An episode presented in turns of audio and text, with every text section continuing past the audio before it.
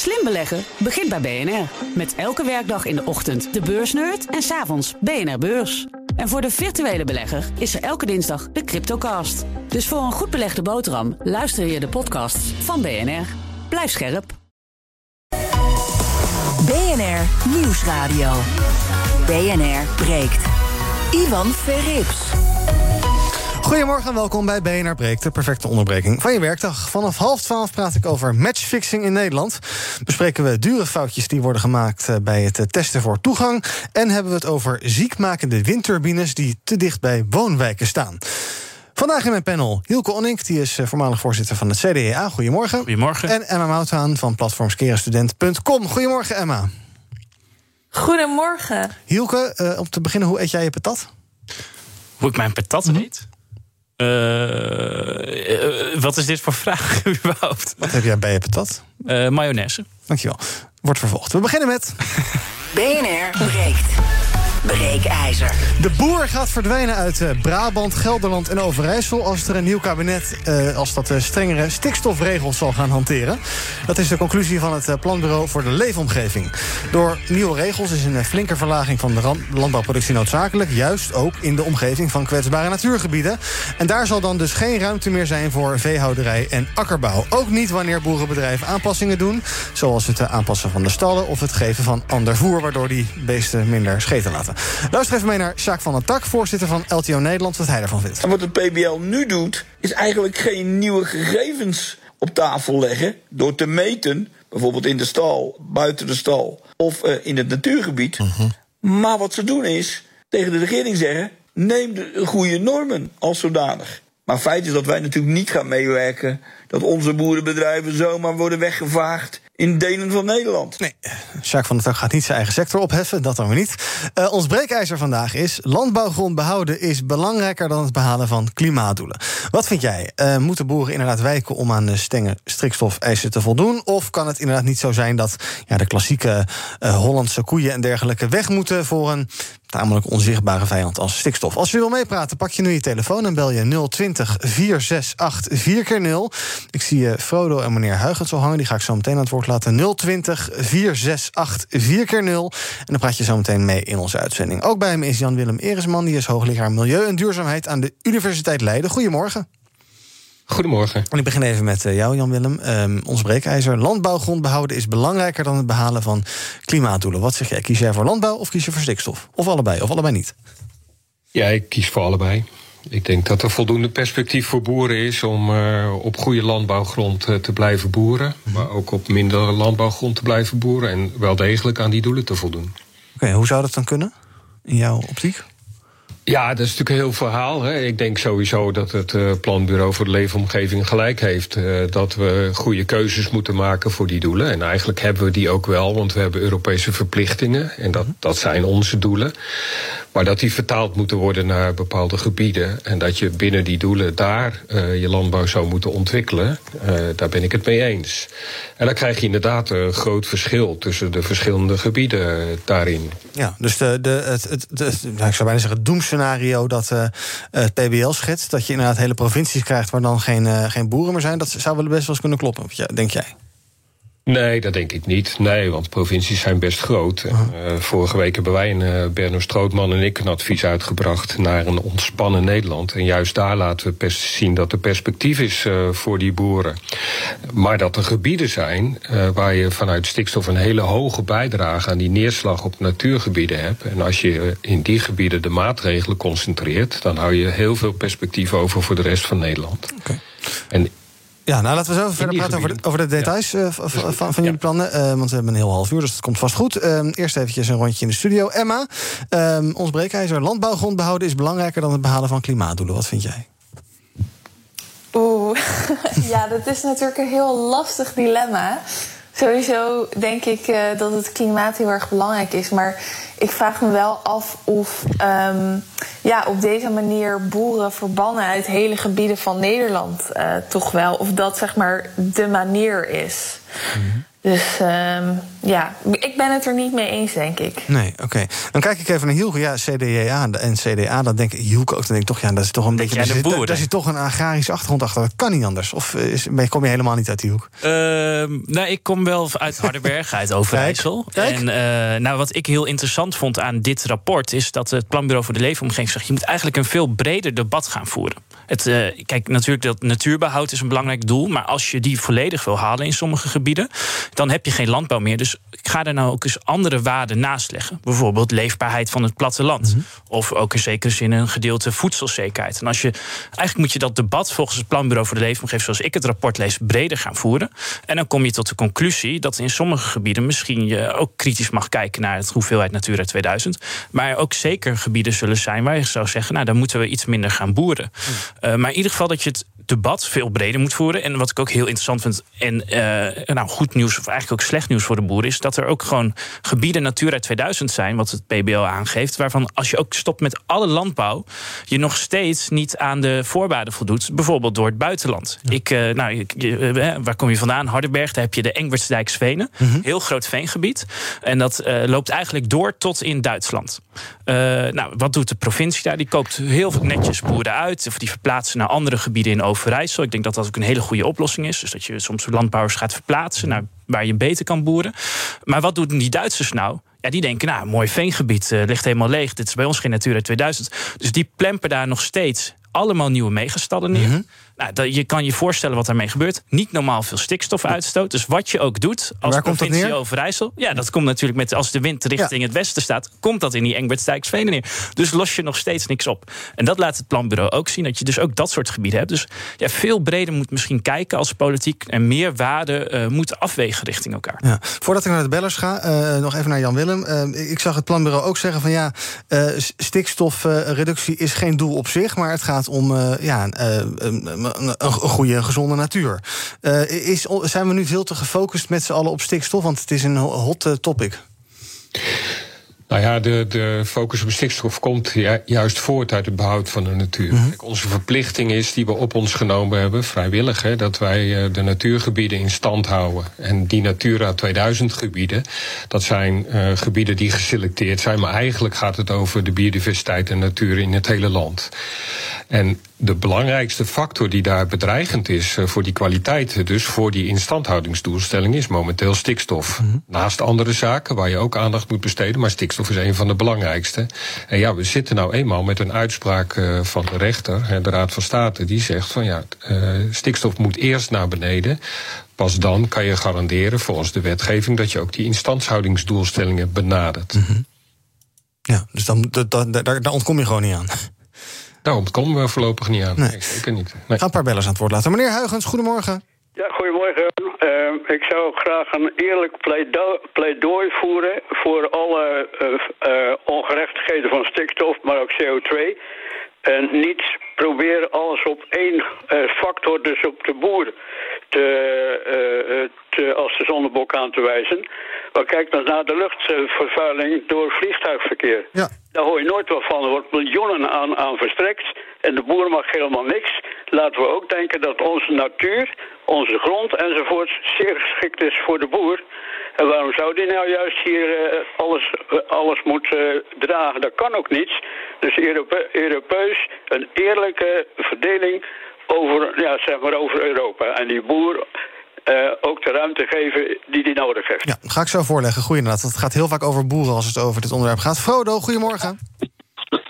Ja, goedemorgen. Uh, ik ben zelf tuinder hier in Best, in het Brabantse Best. Mm -hmm. En uh, om te beginnen heb ik zelf ook wel last van uh, stikstofdeposito, zeg maar. Ja. Dat uh, valt namelijk op mijn land. En daardoor krijg ik heel veel brandnetels die heel hard groeien en muur. Maar goed, dat is mijn probleem verder. Ehm, er is natuurlijk een wanverhouding in Nederland tussen vee en uh, natuur. Hè. 60% is uh, agrarisch intensief uh, bewerkt, het oppervlakte. En we hebben 13% natuur. Dus een totale wanverhouding. en vijf keer meer vee ja. per vierkante kilometer ten opzichte van Europa. Dus er, er moet iets. Maar dit plan, ehm, dit rapport, dit is ook natuurlijk waardeloos, want er staan geen oplossingen in. Nee. zo, krijg, zo krijg je boeren alleen maar het harnas in. En dat is gewoon, ja, dat vind ik wel jammer. Eh, er zijn wel oplossingen om stikstof ook te reduceren door meer stro te gebruiken. Dus eh, organisch te binden. Kijk, daar hoor je helemaal niks over. En dat vind ik jammer eigenlijk. Ja, dus het is, het is het, eh, ja, ook voor jou zeg je, ja, de, de, de boer wordt een beetje de zondebok hierin. Nou, nee, er, er moet wat. Hè. Er is een totale wanverhouding tussen hyperproductie Ja. en natuur. Ik ben zelf ook een natuurmens en ik heb zelfs last van die stikstof. Ja. Die mijn buurman 500 meter verderop uit zijn varkensstal laat uitstoten, Mhm. zeg maar. Hè, dat, dat komt op mijn land. Ik, nou, ja, wel gratis stikstof, zullen we maar zeggen, maar een beetje onbedoeld. Nee, maar ehm, op deze manier, zo deze insteek, dat jaagt de boer het eh, tegen het harnas in. We moeten samen naar oplossingen kijken en dat mis ik een beetje. Duidelijk, dankjewel. En eh, als laatste voor nu, maar er hangen nog meer bellers. Die ga ik zo meteen aan het woord laten. Rob van Leeuwen, goedemorgen. Ja, goeiedag. eh spreek met Rob Leeuwen. Hallo, zeg het maar. Ehm, ja, ik, ik, ik ben eigenlijk eh, op, de- op tegen, ehm, ehm, tenminste ik ben voor het behoud van de boeren. Ik vind het gewoon niet juist dat we dus in ene, sinds dat we de Natura 2000 ge- gebieden hebben en die subsidie aanvaarden, dat dan de wetgeving zo is dat je, eh, dat je minder stikstof uit mag stoten. Dus die subsidie moet je gewoon stoppen. En je moet stoppen met die Natura 2000 gebieden. En dan kan je goed nadenken over natuur en behoud van natuur. Zonder dat daar een dwang eh, pressiemiddel op zit van de Natura 2000 gebieden. Ehm, de, de, de, de, de, de hele ehm, de hoeveelheid dieren is al eh, met een derde gezakt hè, de afgelopen 20 jaar. En eh, op het moment dat je dat nog meer gaat laten zakken.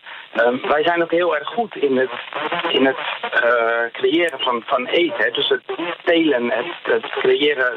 eh, en, en op het moment dat je dat gaat weghalen hier, dan moet je dat ergens anders moet je dat terugbrengen. Maar dat is misschien wel beter verdeeld. Maar ja, dat is. We, we, we- Ja, dat, dat kan zijn, maar niet alle plekjes op de wereld die zijn daarvoor bedoeld. Hè? Dus in de, in de Sahara kan je geen koeien houden. Ja, dat kan wel. Dat is een poosje geprobeerd. En nu zijn al die, die waterbuffers die onder de Sahara die zijn leeg. Dus, dus, dus dat, dat soort dingen gaat niet goed. En wij hebben wel voldoende water. En wij kunnen wel die koeien kweken. En, en daardoor een vleesproductie hebben. ja, dus laten wij dan ja, ons daar ook eh, in specialiseren. Dank voor het bellen. Eh, ik zie uh, en mevrouw van, of meneer Van Hoven dus nog hangen. Die ga ik zo meteen even aan het woord laten. Eerst even een paar dingetjes voorleggen die ik hoorde in het gesprek, Jan-Willem.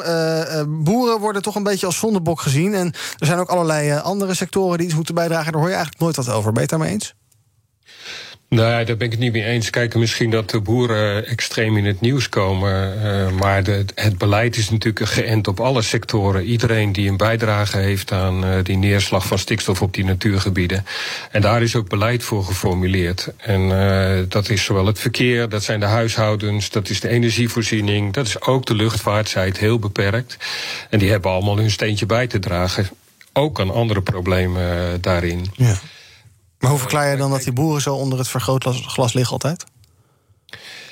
Ehm, nou ja, kijk, de boeren hebben natuurlijk wel eh, de grootste bijdrage aan die stikstofneerslag. Dat sowieso. Ehm, en daar zit ook de grootste emotie over eh, het verminderen daarvan. Hè. Eh, het gaat om onze voedselvoorziening. Die boeren zitten daar heel, heel lang. En dat, dat is toch een andere perceptie dan die sectoren, die vaak ook met technologie eh, zaken kunnen oplossen eh, en waar meer geld in omgaat eh, daarin. Dus ik denk dat de perceptie van de sectoren ook anders is. Ja. Eh, we hebben ook te veel landbouw, hoorde ik iemand zeggen. Eigenlijk is het, is het ja, slecht, slecht verdeeld in ons land. Ben je het daarmee eens? Ja, de productie is te hoog. Hè. Kijk, dat, dat laat het stikstofprobleem goed zien. Hè. Wat, met stikstof is het zo dat wat erin gaat, komt eruit. Hè. Dus als je heel veel kunstmest en krachtvoer importeert in Nederland en dat gebruikt, en dat doen we, ja, dat komt er ook ergens uit. En dat komt er in Nederland uit, terwijl de producten uh, over de grens gaan. Nou, dat concentreert zich in Nederland. Dus wat er niet ingaat, uh, komt er ook niet uit. Hè. Ja. Dus uiteindelijk moet je wel aan die input. En dat betekent dat die productie zal verminderen. Dat kan niet anders. En dat is ook nodig dus. BNR breekt. Ivan Verrips. Met vandaag in mijn panel Emma, Mouthaan van de skerestudent.com... en Hielke Onning, voormalig voorzitter van het CDA. En net hoorde je Jan-Willem Eresman spreken. Hij is hoogleraar Milieu en Duurzaamheid aan de Universiteit Leiden... en weet alles van stikstof. En we praten over ons breekijzer. Landbouwgrond behouden is belangrijker dan het behalen van klimaatdoelen. En ik ben benieuwd naar jouw reactie. Je kunt reageren door je telefoon te pakken 020 468 4x0. 020 468 4x0. Emma, we hebben allerlei van die uh, Natura 2000 uh, gebieden. Dat is zo'n netwerk met allerlei ja, beschermde beschermde natuurgebieden. Eh, Hecht je daar waarde aan? Ik hoorde een van de bellers zeggen: van, joh, we moeten stoppen met die. eh, nou, ik vertaal het even mijn woorden, met die gekkigheid. Om eh, eh, ja, het zorgt ervoor dat van, van alles en nog wat niet kan eh, vanwege een soort administratieve tijger. Nee, ik denk juist dat het goed is dat die gebieden er zijn. En ook al zijn misschien de regels dan wat lastiger eh, ja, om met die Natura 2000 gebieden te werken of om daar vlakbij bepaalde de industriedingetjes te doen en zo.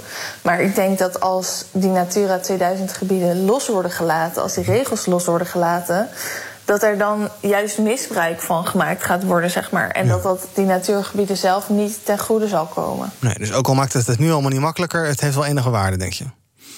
Ja, dat denk ik. Jij dat ook, Hielke?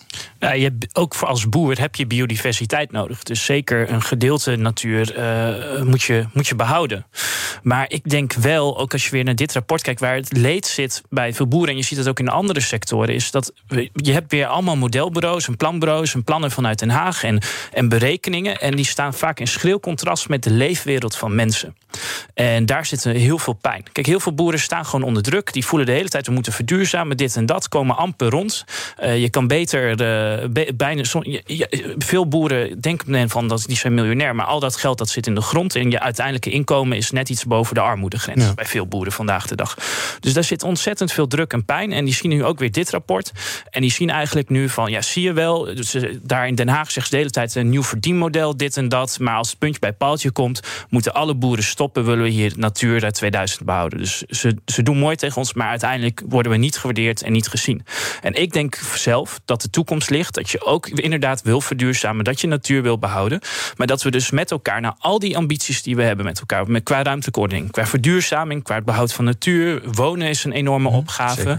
Dat we echt met elkaar opnieuw Nederland moeten gaan inrichten. En dat er dus gebieden zijn waar je echt boeren ook voor de leefbaarheid wil behouden. Denk aan Friesland, denk aan Oost-Groningen. Maar dat er ook gebieden zijn waar we met elkaar eerlijk moeten zijn en zeggen: ja, hier, hier kan gewoon straks minder geboerd worden. Ja, als je ook nog wil blijven wonen daar enzovoort. Ja, en als we ook windmolens willen bouwen en zonneparken nodig hebben om aan al, alle ambities te voldoen. Eh, dus ik denk dat daar de toekomst ligt. En ja, dan eh, gaan mensen dat niet leuk vinden. Maar dat het ook betekent in ge- gebieden dat we misschien moeten zeggen: Nou, ja, het Natura 2000 sticker halen we hier af. Eh, en we maken dat gewoon eh, normale natuur. Of onder, de, onder andere wetten waar je- die iets minder streng zijn. Ik, ja, ik denk dat. Het klinkt vervelend voor sommige mensen, maar daar zullen we wel heen moeten. Ja, ik denk dat het onvermijdelijk is. Frank van Hoven, goedemorgen. Goedemorgen. Ja, ik vind het jammer dat eh, landbouw, natuur en klimaat voortdurend als tegenstelling worden geprofileerd. Ja, of of. Ik denk dat het heel goed samen kan en moet. Met name op streekniveau. Goed voorbeeld wat ik wilde stellen is de Krimpende Waard. Een streek van ongeveer 5000 hectare. De, de laatste jaren zijn ze nou nu doende om met elkaar hè, aan tafel te overleggen. En te kijken dat in de noordelijke helft met name het nattere gedeelte tot natuur wordt ontwikkeld. Heel nieuwe natuur met moeras en dergelijke. Waar planten en dieren volop kunnen bloeien. Het zuidelijke droge gedeelte is meer geschikt voor boeren. Nou, ga daar dan je, agrarische ding doen. En boeren die nog in het noordelijk deel zitten, die kunnen dus kiezen om het zij naar het zuidelijk deel te verhuizen. Het zij in het noordelijk deel te blijven zitten. En bijvoorbeeld zich aan te passen aan de nieuwe eh, realiteit om bijvoorbeeld een B&B of kanovuur te gaan doen. Nou, win-win. Ja, maar jij vindt dus ook dat eh, de, de, de boerenorganisaties en de natuurorganisaties misschien wat meer naar elkaar toe zouden moeten groeien. Want het is nu inderdaad vaak wel, je bent of voor het een of voor het ander. Ja, niet voor minstens gingen ze gelijk aan met spandoeken naar Den Haag eh, gaan opgrillen. En niet terug tegen elkaar, maar samen op tafel zitten. En kijken, hoe kunnen wij samen in onze streek, in, en we hebben dus een vijftigtal streken in, in ons land. Kijk, per streek hoe je samen allemaal je ding kan doen. En dat kan. Ja, nou kijken of ze naar je luisteren overmorgen, die boeren. Want dan gaan ze geloof ik weer eh, demonstreren, was een idee. Eh Verushka, goedemorgen.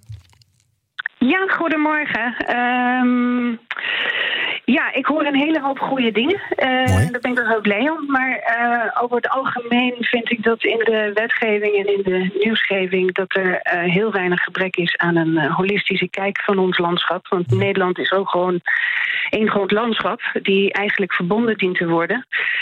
En zoals het nu gaat met de boeren, uiteraard denk ik dat we allemaal weten, zo gaat het niet langer. Dat is niet goed. Er wordt wellicht ook, al ligt het gevoelig, te veel geëxporteerd, voornamelijk aan vlees. Alleen ik werk zelf als ecologisch ontwerper van regeneratieve praktijken en ehm natuurinclusieve systemen. En als die nou wat meer zouden worden ingezet en vooral boeren helpen daarin om in die transitie te treden, mits ze dat willen. Ja, dan wordt het vanzelf een, een landschap met beheerders van natuur, zoals de boer uh, van oudsher natuurlijk was. Um, en kunnen we volgens mij veel grotere uh, slagen slaan. En de natuur in Nederland is natuurlijk ook uh, niet echt, is meer een cultuurlandschap. Ja. Daar is ook heel veel te behalen. En als die fronten nou zouden samenwerken, ja, dan denk ik dat we betere stappen maken in plaats van gewoon uh, kraan dicht. Dus het holistisch kijk uh, ontbreekt voor mij erin. Ja, nou, sluit dus eigenlijk een beetje aan bij wat Frank van Hoven ook zei. Ik doe nog twee korte bellers. Hendrik, goedemorgen. Goedemorgen met Hendrik Laasbos. Hallo. Ik vind persoonlijk dat er een historische fout gemaakt wordt om het, uh, rondom de stikstof. Mm -hmm. Want uh, tot 40 jaar terug, uh, de, de, wat nu natuurgebieden genoemd worden, dat werd onderhouden door de boeren. En andere mensen die allemaal vee hadden. Ja, wij spreken 100 tot 200.000 meer mensen die vee hadden. Mm -hmm. En die deden allemaal wegbennepjes in de parken en uh, natuurmaaien. Maar nu, ja, de staatsbosbeheer ging zich over een gegeven moment mee bemoeien. En andere natuurinstanties. Toen mochten er bijvoorbeeld voor bepaalde tijden niet meer gemaaid worden. Wat krijg je dan? Dat de strekkers boven het gas uitkomen, zo de distelbrandwetels en de pramen. Ja. En er zijn te weinig mensen om dat op te lossen. En dan wordt alles op de stikstof geschoven. Maar dat, dat, dat is het niet. Nee, duidelijk, dank voor het bellen. Twan, goedemorgen. Goedemorgen. Zeg het maar. Twan, hallo. hallo. Ja, ik ben uh, een boer, zoals ze dat noemen. Heel goed. Uh, even kijken, ja, ik heb het begin van de discussie gemist, maar ik wou wel even één ding kwijt. Ja.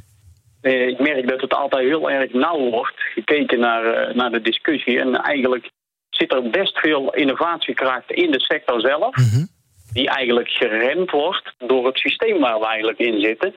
Qua vergunningverlening. Ik loop daar zelf ook enorm tegenaan. Ja, wat zou je willen doen wat je niet kan doen? Uh, ja, gewoon de vergunning, vergunningverlening versnellen. Mm -hmm. Dus adequaat daarin, een adequaat proces, uh, ambtelijk uh, voorzien. En dat we een duidelijke regelgeving hebben. Die kan makkelijk mijn emissies verlagen. Moet ja. wel inspanningen voor doen, maar die wil ik graag doen waar ook de markt vraag voor is. Zodat ik zowel mijn productiesysteem en markt aan elkaar gekoppeld heb. Ja. Dat is meteen het verdienmodel. En we moeten niet vergeten, zeg maar, dat dat geheel eigenlijk de toekomst maakt. En dat een, een landbouw zoals we bijvoorbeeld wensen, zoals we een landschap uit zou, zou moeten zien, bijvoorbeeld. Mm-hmm. Ik noem maar eens iets, een, uh, dat mensen uh, zeggen van we moeten allemaal als biologische uh, bedrijfsvoering gaan hanteren. Dus de vraag of daar markt voor is in Nederland. Ja. Dus uh, vergeet niet jongens dat we de markt juist vaak, ja, even makkelijk gezegd, tussen 2 en 5 procent voor biologisch. Mm-hmm. En dat is geen 100 procent. Nee. Dus we kunnen alle boeren in Nederland kan, kunnen niet voor een bepaald segment gaan. Juist die diversiteit maakt dat we innovatie aan markt kunnen koppelen. En geef die mensen dan, bij wijze van spreken, duidelijkheid in welke regels we moeten voldoen. Waar ook adequaat ambtelijk op gehandeld wordt. Dus niet uh, elke keer met kluitje in het giet. Uh, ik zit zelf al met meer dan zes jaar een uh, vergunningstraject wat er loopt. Ja. Waar je nog steeds geen duidelijkheid in hebt van, ja, wat kan er nu? Ja. Dankjewel voor het bellen van en succes met die vergunning. Ja, Jan Willem, even tot slot. Ik krijg het idee dat inderdaad, wat een van de bellers ook al zei, het zijn heel erg twee werelden. En je bent of pro-natuur of je bent pro-landbouw. En die praten niet met elkaar. En als dat zou veranderen, dat zou misschien al een heleboel schelen, toch? Ja, nee, dat denk ik zeker. Uh, kijk, uh, uh, de politiek speelt daar een belangrijke rol in, denk ik. Hè? De plannenmakers, dat zijn mensen die dingen op papier doen en op kaarten maken, maar die doen dat niet voor niks. Hè? Die doen dat ook in gesprek met boeren, met ervaring vanuit boeren en de, ook zorgen dat de boer perspectief heeft. Dat is het uitgangspunt daarin. Maar de politiek besluit uiteindelijk. En ik denk dat daar een groot manco ligt. En zeker wat Twan zegt op, uh, op het laatste, dat hij moeite heeft met vergunningverlening. Ja. Er is geen lange termijn duidelijkheid of perspectief voor die boeren. Waarin zij hun investering kunnen bouwen en waarin ze zekerheid hebben dat als ze die investering doen, dat die ook rendeert. Uh, dus wat dat betreft is perspectief voor boeren betekent ook lange termijn duidelijkheid, consistent beleid.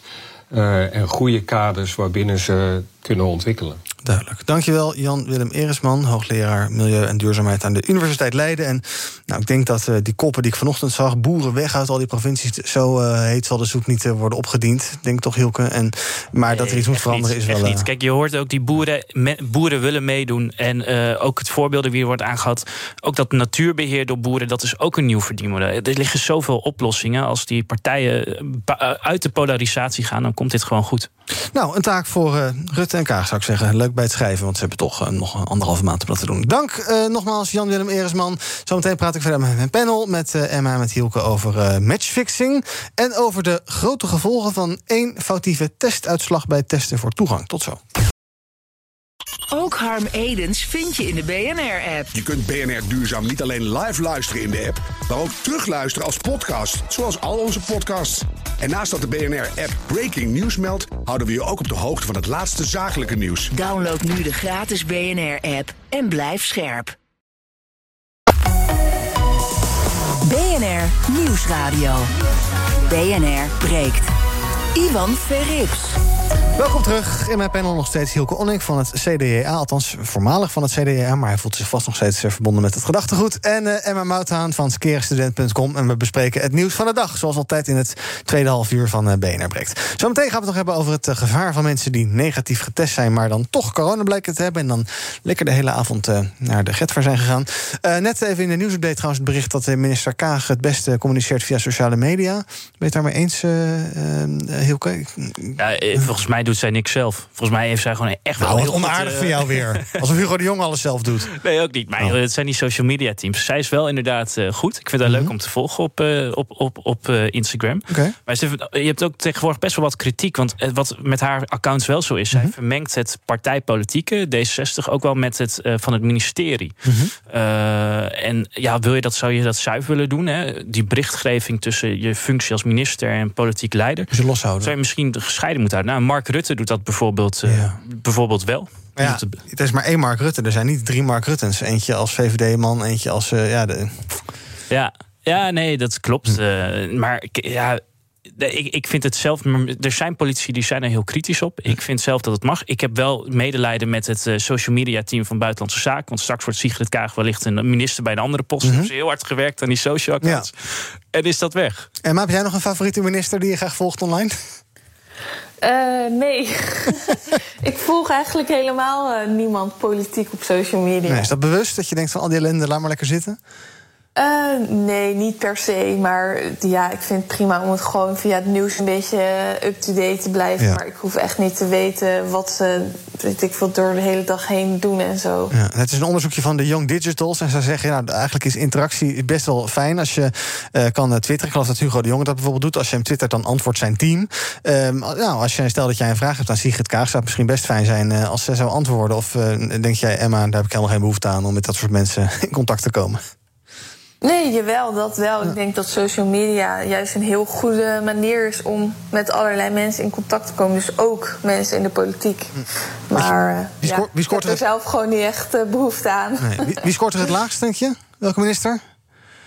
Denk je een, een, minister van de ChristenUnie of zo? Oh, wat een cliché. Ja, die zijn volgens mij tijd. slop. Nee, maar ik vind, ik vind het wel. Nee, ik wil even antwoord op die vraag. Ja, ik denk slop. Oké, okay, wie denk jij, Emma? Geen idee. Stef Blok. ja, ja, Oké, okay, laten we het over belangrijke dingen hebben. Uh, we gaan het hebben over uh, nieuws. We zitten midden in de sportzomer met het EK voetbal, met Wimbledon, met de Tour de France. En dat betekent natuurlijk uh, sportweddenschappen, hè, van die poeltjes op kantoor.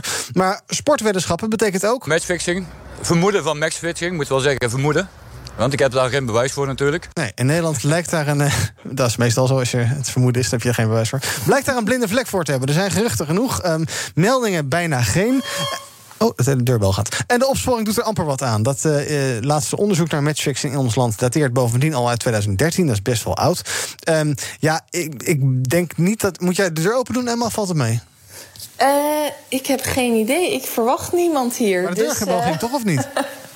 Ja, maar ik zit in het buitenland, ja, ja. dus ik, ik verwacht ook überhaupt niemand oh. hier. Ja, je mag open doen als je wil. Gaat mijn vriend, uh, oh, okay. Volgens mij gaat Super. mijn vriend even kijken. Okay. In dat geval kan ik met jou praten over matchfixing. Um, ik denk altijd een beetje, ja, uh, goh, oh, daar gaat hij weer. Uh, ik denk altijd, goh, dat sporten, dat iemand dan wat geld inzet op dat iemand, ja, nou ja. maar het is toch wel een groter probleem, denk ik, dan dat, hè? Sorry, ja, ik was even afgeleid. Vind jij het een probleem? Ehm, Denk je dat het een probleem is? Groter probleem. Ja, ja, ja. Ik denk dat er heel veel eh, dingen zijn, waaronder dus matchfixing, maar bijvoorbeeld ook eh, corruptie in de politiek. Dat, daar Nederland, dat Nederland daar echt een beetje een blinde vlek voor heeft. Van ja, dat gebeurt hier niet. En weet je, we zijn een, een Europees land en hier is alles goed geregeld, bla bla bla. Maar dat dat eigenlijk gewoon in realiteit eh, ja, tegenvalt. Ja.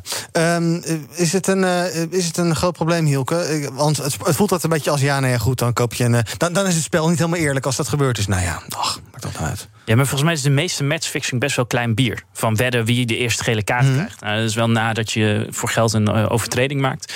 Ja, volgens mij maar de echt de allergrootste wedstrijden in de eredivisie. Dat, eh, daar is volgens mij geen sprake van matchfixing. Eh, natuurlijk is het probleem, want het werkt vals spel in Mhm. de hand. En het zal waarschijnlijk ook groter zijn dan we zien. Doping zien we vaak ook niet in de sport. Dus goed dat daar meer onderzoek naar is. Maar ja, volgens mij, pff, ik weet niet hoor. Ik denk ook niet dat het weer zo groot is. Eh, Kijk, het probleem is dat je op alles kan wedden bij voetbal met matchfixing. Wie krijgt de eerste gele kaart? Wie maakt het eerste doelpunt? Eh, eh, kijk, als het gewoon gaat over de wedstrijduitslag, heeft spe- sporters veel minder in de hand. Ja.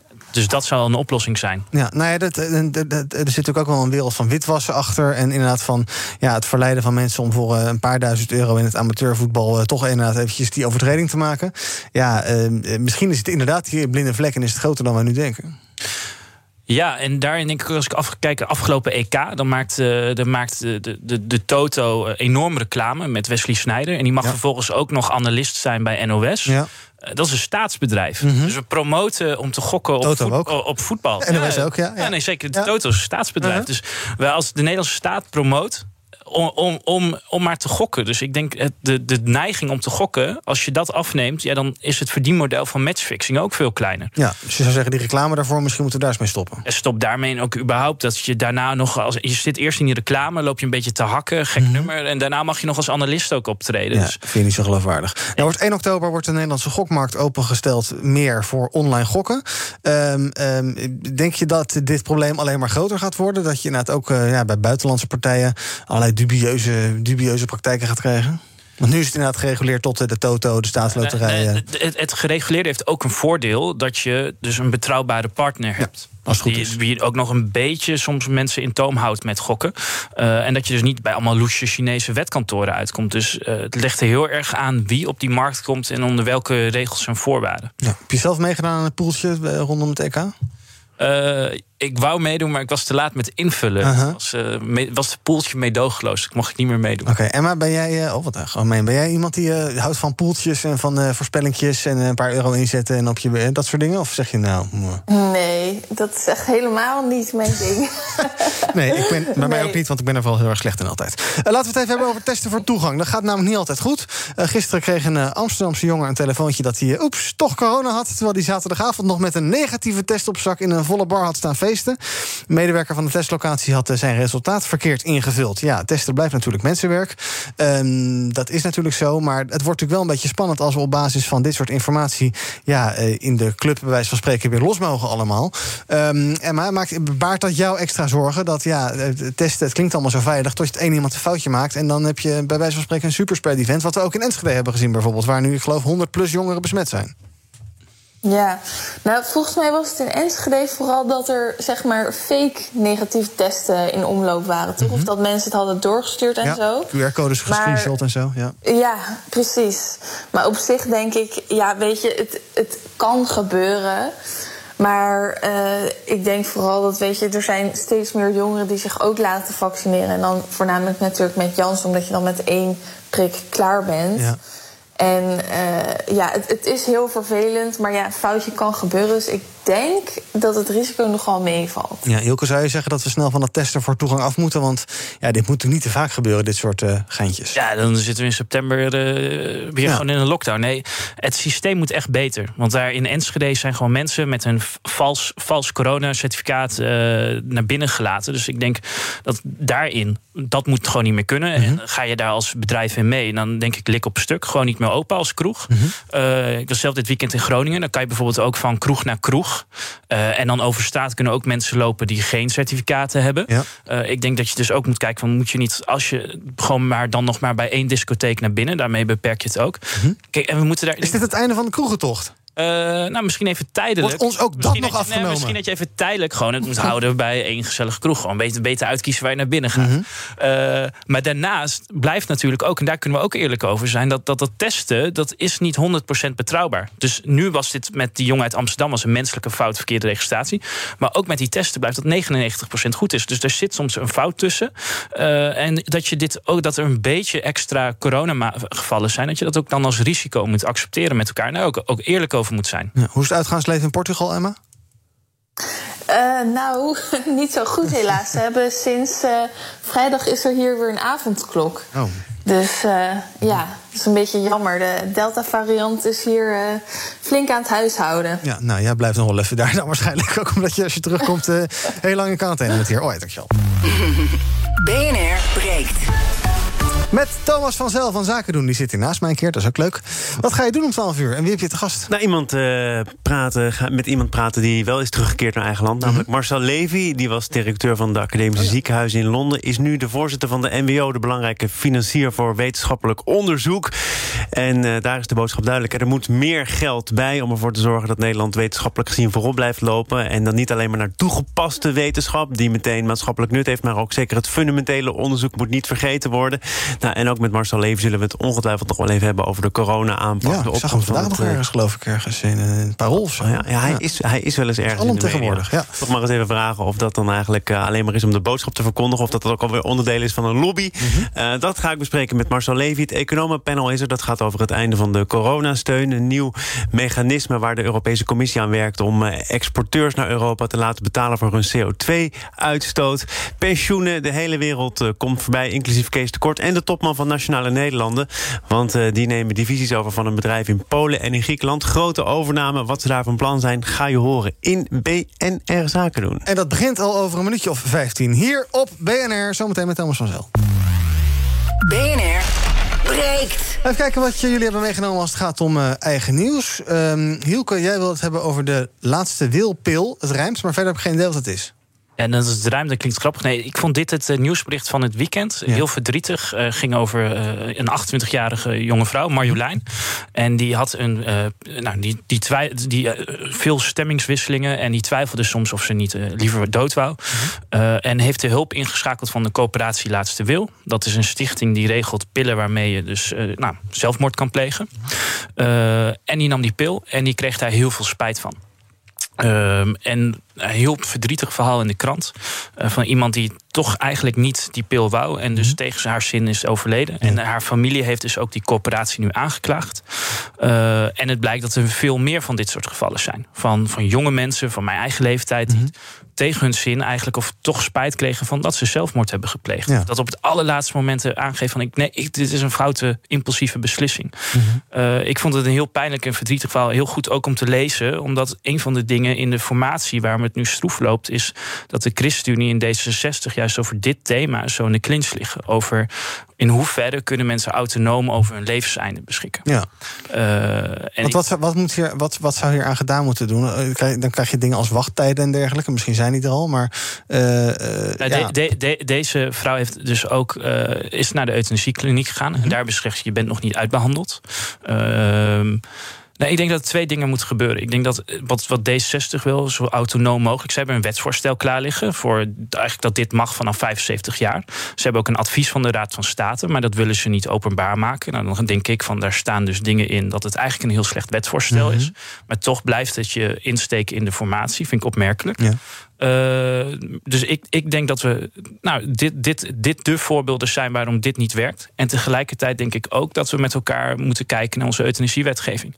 Ofwel alle vormen van lijden daar nog onder vallen. En of dat niet wat, misschien wat, wat, wat ruimer moet. Ja. Daar, daar de ruimte zit.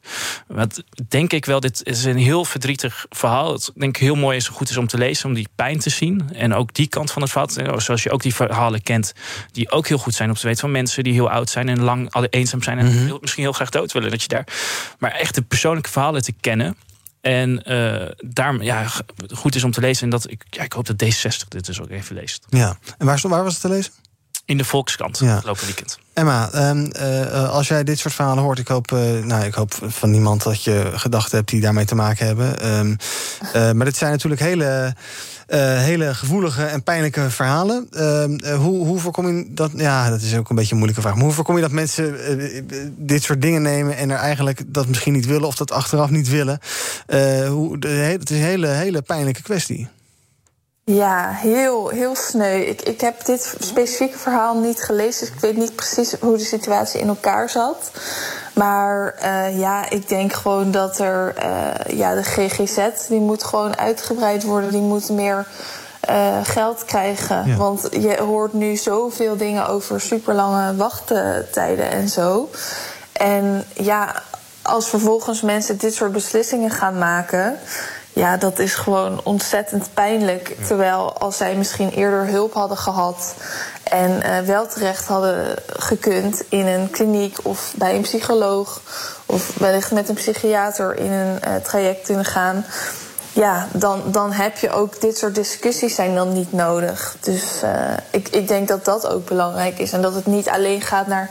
oh, moeten, moeten dit soort corporaties uh, verboden worden... of moet, moet die handel in die pillen aan banden worden gelegd. Mm -hmm. Maar dat er ook moet worden gekeken naar wat is nou de oorzaak van dat iemand überhaupt uh, ja, de aanleiding voelt of de behoefte voelt om, om een einde aan, aan zijn of haar leven te maken. Ja.